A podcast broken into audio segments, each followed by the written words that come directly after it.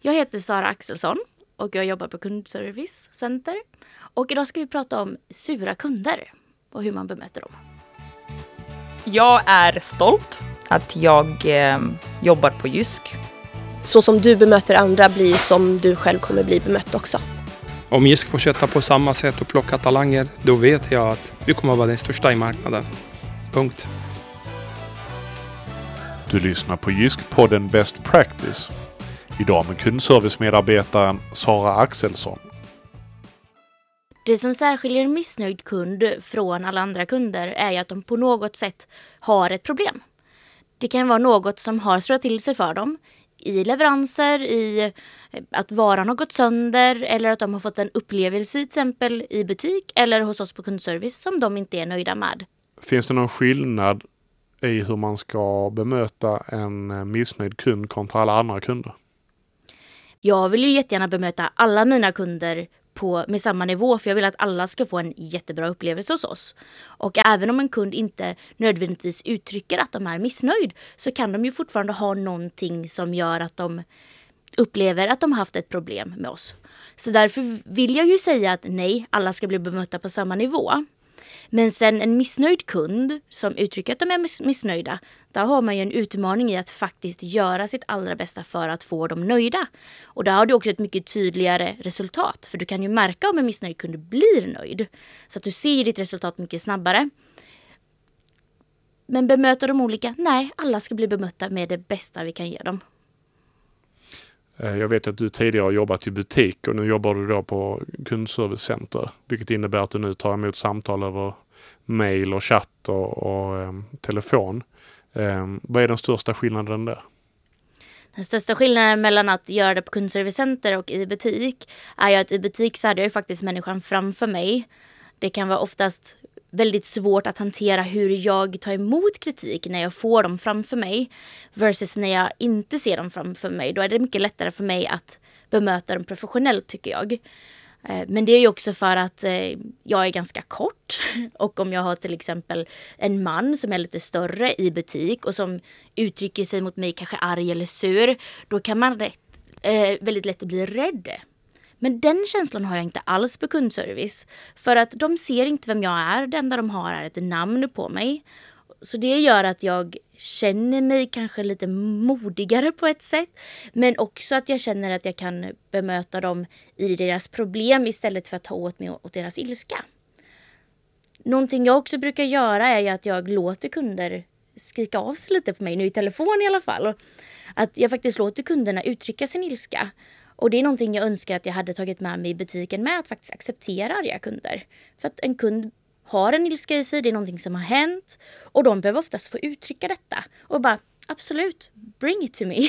Var arg.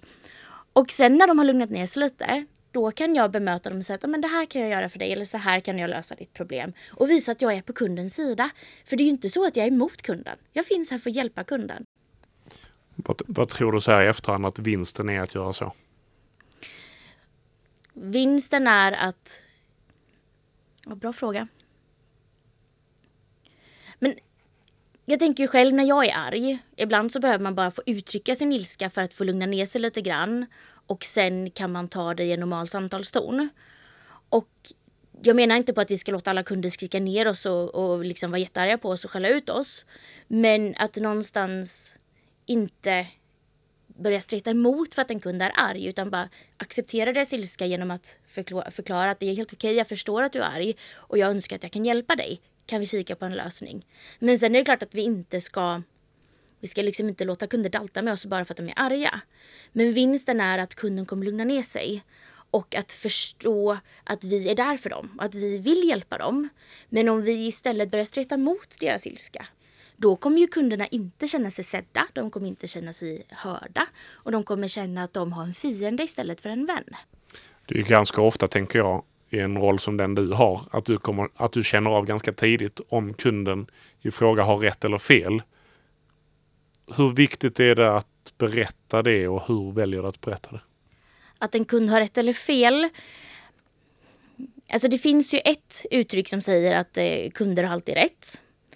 Men det är inte alltid det stämmer. Ibland har kunden fel. Det som i så fall är viktigt att att luta sig tillbaka på våra policies och våra rutiner och att inte själv känna sig ansvarig i dem. Det är inte jag som har satt rutinen eller policyn. Så för mig när jag har en kund som är arg och sur och där jag inte kan hjälpa kunden då får jag luta mig tillbaka på de rutiner och policies som vi har och stå bakom dem och vara tydlig med att förmedla det.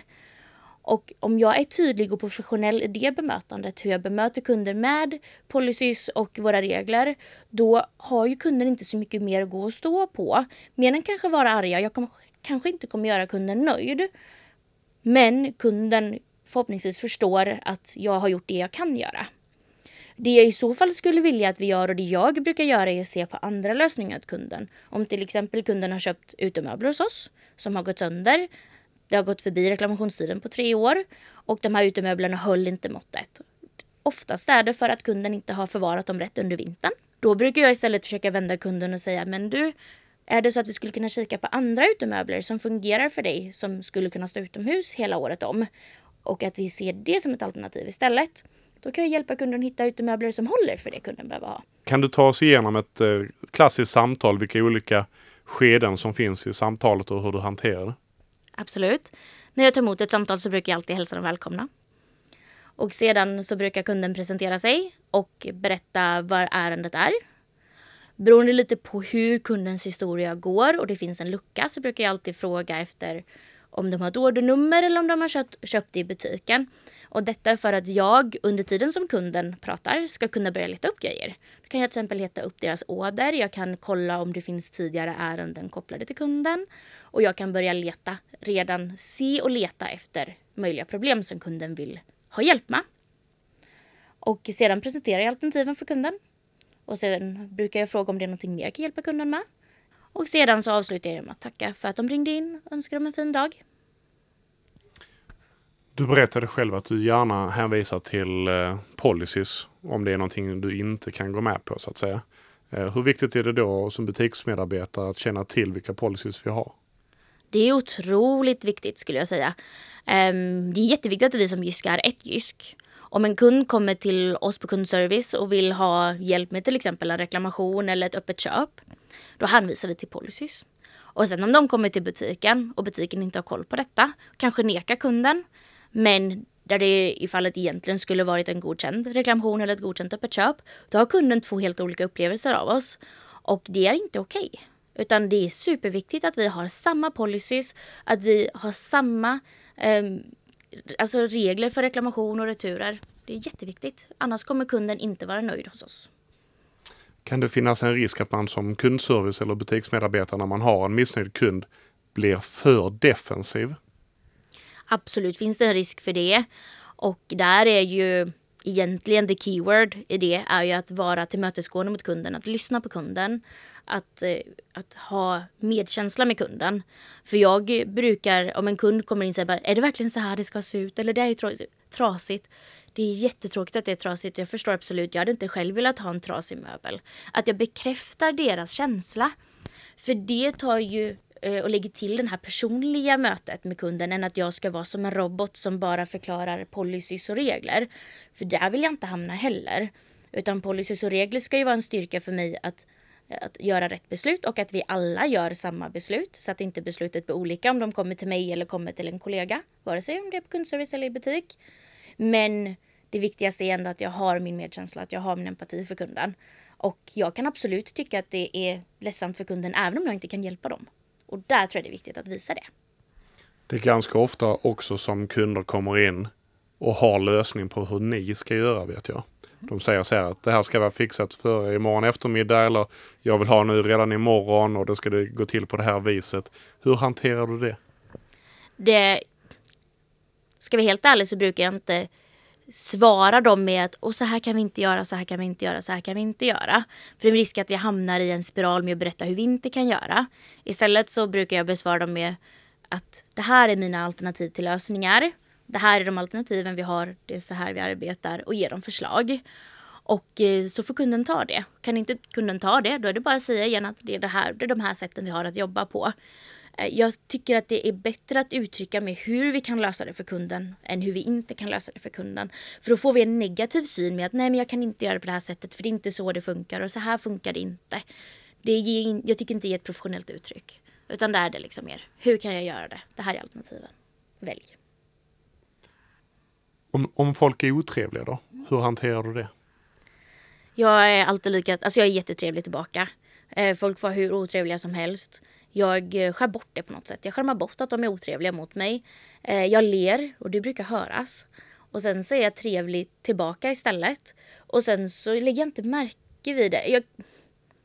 Alltså det jag menar är att jag inte kommenterar det på något sätt utan att jag bara hjälper dem som om de vore en trevlig kund.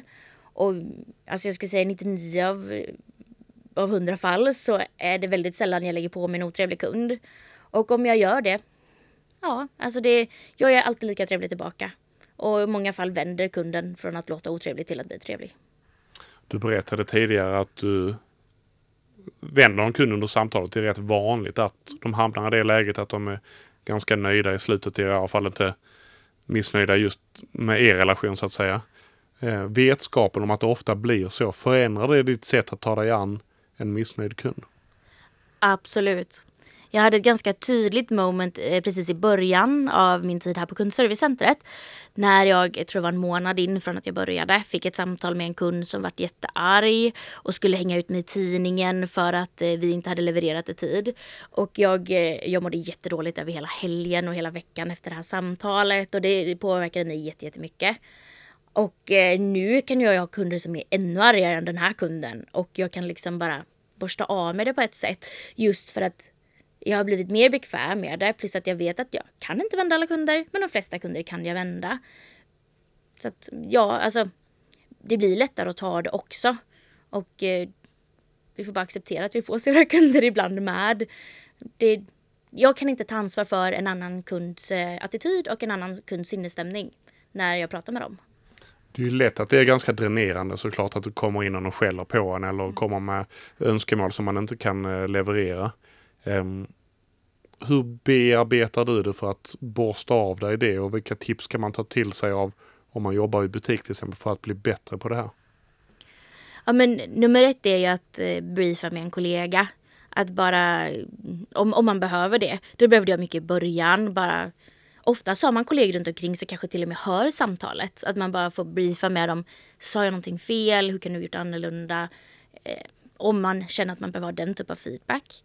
Eh, annars så brukar jag bara, alltså, ibland låter lite fel kanske men skratta lite åt det. För någonstans är det ändå lite en komik i till exempel att vissa kunder vill ju inte bli nöjda. Vissa kunder försöker verkligen få ut allt de kan få från oss och kanske har väldigt orimliga förväntningar. Och det kan vara lite skrattretande på ett sätt. Så någonstans så brukar jag ändå se liksom jag brukar, jag, jag, jag är överpositiv, jag ser det positiva i allt. Men någonstans så, det är väl bara liksom, ja, gå vidare på något sätt. Bara tänka att, ja, det, den kunden, ja absolut, jag kan inte ta ansvar för det. Jag kan ta ansvar för det jag gör, men jag kan inte ta, ta ansvar för kundens ilska eller kundens negativitet. Jag kan ta ansvar för det jag kan göra och hjälpa kunden med. Och har jag gjort mitt bästa, då har jag gjort mitt bästa. Sen att det inte var tillräckligt bra för kunden, det är inte mitt problem. Och det är där jag kan släppa det. Kunden hör ju ofta av sig med ett problem. Det är väl därför de ringer i nio fall av tio. Um, hur kreativ måste man vara som mottagare på andra sidan så att säga för att lösa problemen åt kunden? De har ju så, så att säga inte tillgång till hela den paletten som ni har. Ja men eh, väldigt kreativ emellanåt. Det, ibland så är inte den lösningen som vi har som rutin den enklaste lösningen eller lösningen som funkar för kunden. Och eh, ibland behöver man vara väldigt kreativ, tänka utanför boxarna. Samtidigt som att vi inte kan, ut, alltså vi kan inte kliva över våra system. Vi har system som är begränsade. Vi kan inte trolla. Så att eh, det gäller ju att vara kreativ med de systemen vi har och hitta lösningar som, som är inom de ramarna för vad vi kan göra. Så att eh, ja, både och. Både kreativ men med de begränsningar vi har. Jag vet att det är många här som jobbar på Customer Service Center som också ser det som en utmaning. Att se det som en möjlighet när det ringer in en missnöjd kund. Att, att sälja på dem någonting annat eller att möta deras eh, problem med en produkt eller en tjänst så att säga. Hur tänker du kring det? Ja men absolut. Eh, ett typiskt exempel är ju en kund som ringer in. Jag skulle köpa den här möbeln. Den var slut i butiken. De sa att jag skulle beställa via hemsidan. Det är slut på hemsidan. Vad gör jag nu? Och då kan jag bemöta det genom att hitta en likvärdig produkt som kunden skulle vilja ha. Och eh, oftast är det någonting som kanske är lite dyrare men också lite bättre. Så då tar kunden det. Eller då som jag nämnde tidigare, en kund som till exempel där någonting har gått sönder och vi inte kan erbjuda dem någonting i ersättning för att garantitiden har gått ut eller reklamationstiden har gått ut. Att vi i så fall hittar en annan vara som passar bättre för kunden. Det är Alltså om man har rätt attityd, om jag som säljare har rätt attityd gentemot kunden och i sättet jag promotar det här så kan jag i väldigt många fall få det sålt. Men det gäller ju att jag presenterar det som en lösning för kunden och inte som någonting jag försöker pracka på dem. Om man är ny i jobbet då, om man eh, ser att här kommer en missnöjd kund. Eller om, det kan man ju se på lång väg om man jobbar i butik. Eh, på kroppsspråk och hur de gestikulerar kanske. Eh, vilka är dina tre bästa råd till en medarbetare för att ta sig an en sån kund? Nummer ett är se om du har en kollega i närheten. Och eh, ryck lite den personens arm och be den vara närvarande.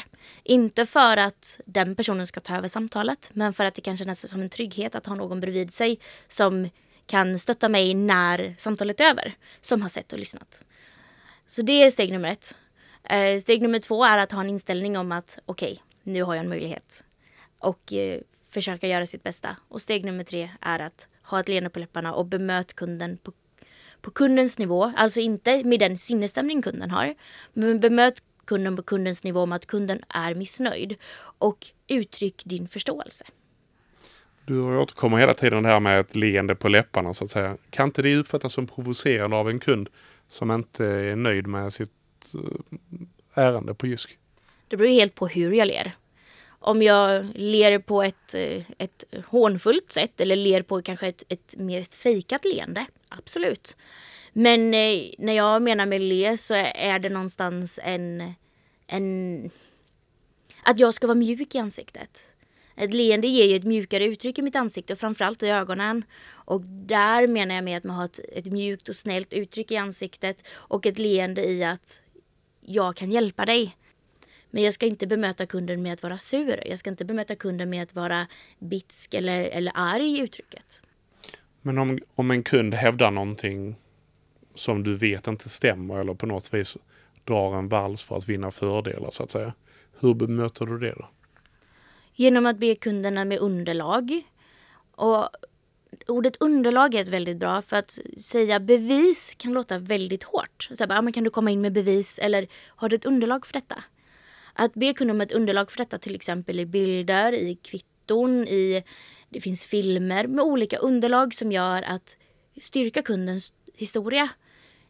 Då har kunden någonting att stå på. Men har inte kunden underlag då är det bara att säga att utan underlag för detta så kan jag tyvärr inte hjälpa dig så mycket. Vill du komma tillbaka när du har ett underlag för detta? Då har jag inte nekat kunden. Utan jag har gett kunden en möjlighet att styrka sin historia, att styrka sitt ärende. Men eh, har kunden då ingenting att komma med, då är det ju faktiskt på kundens ansvar och inte på vårt ansvar. Och hur är din känsla då när du lyckas vända en kund som ringer in och kanske är besviken från början och i slutet av samtalet på gott humör. Hur, hur tänker och mår du då? Jag mår väldigt bra faktiskt. Jag tycker det är jättekul. Det värmer i hjärtat och jag känner mig stolt och jag känner eh, att jag är rätt person på rätt plats. Och sen så går jag in och uppdaterar min eh, kundservice-nöjdhetsstatus och kollar om jag fått en femma väldigt viktigt här på Customer Service Center har jag förstått. Eh, sista frågan då, eh, riktat till dem eh, i butik framför allt. Eh, om du ska skicka med ett budskap till de som inte är lika vana vid att hantera missnöjda kunder som du är nu. Eh, vilket råd ger du dem då? Öva. Det bästa sättet att lära sig hantera missnöjda kunder är att hantera missnöjda kunder. Ta det lite som en en morot att lyckas med detta. Om du ser en missnöjd kund komma in, var inte den personen som smiter bort från kassan för att hjälpa någon kund på golvet för att slippa missnöjda kunden. Smit inte iväg bara för att du ser att någon kommer in med en vara i butiken som de troligtvis vill reklamera. Utan var den som kommer fram till kassan och tänker okej, okay, nu har jag möjlighet att lära mig. För att learning by doing, det är så jag har lärt mig. att varje ärende jag löser ger mig lite mer kött på benen. Det ger mig mer möjlighet att hantera det. Bättre sätt att eh, bemöta kunder men framförallt att jag hittar lösningar. Och ju fler lösningar jag har hittat ju snabbare blir jag på att hitta dem i framtiden. Du har lyssnat på Jysk-podden Best Practice. Missa inte våra andra avsnitt i serien och om du är intresserad av att börja jobba på Jysk så kan du surfa in på jobb.jysk.se och se om det kanske finns något uppdrag som skulle passa just dig.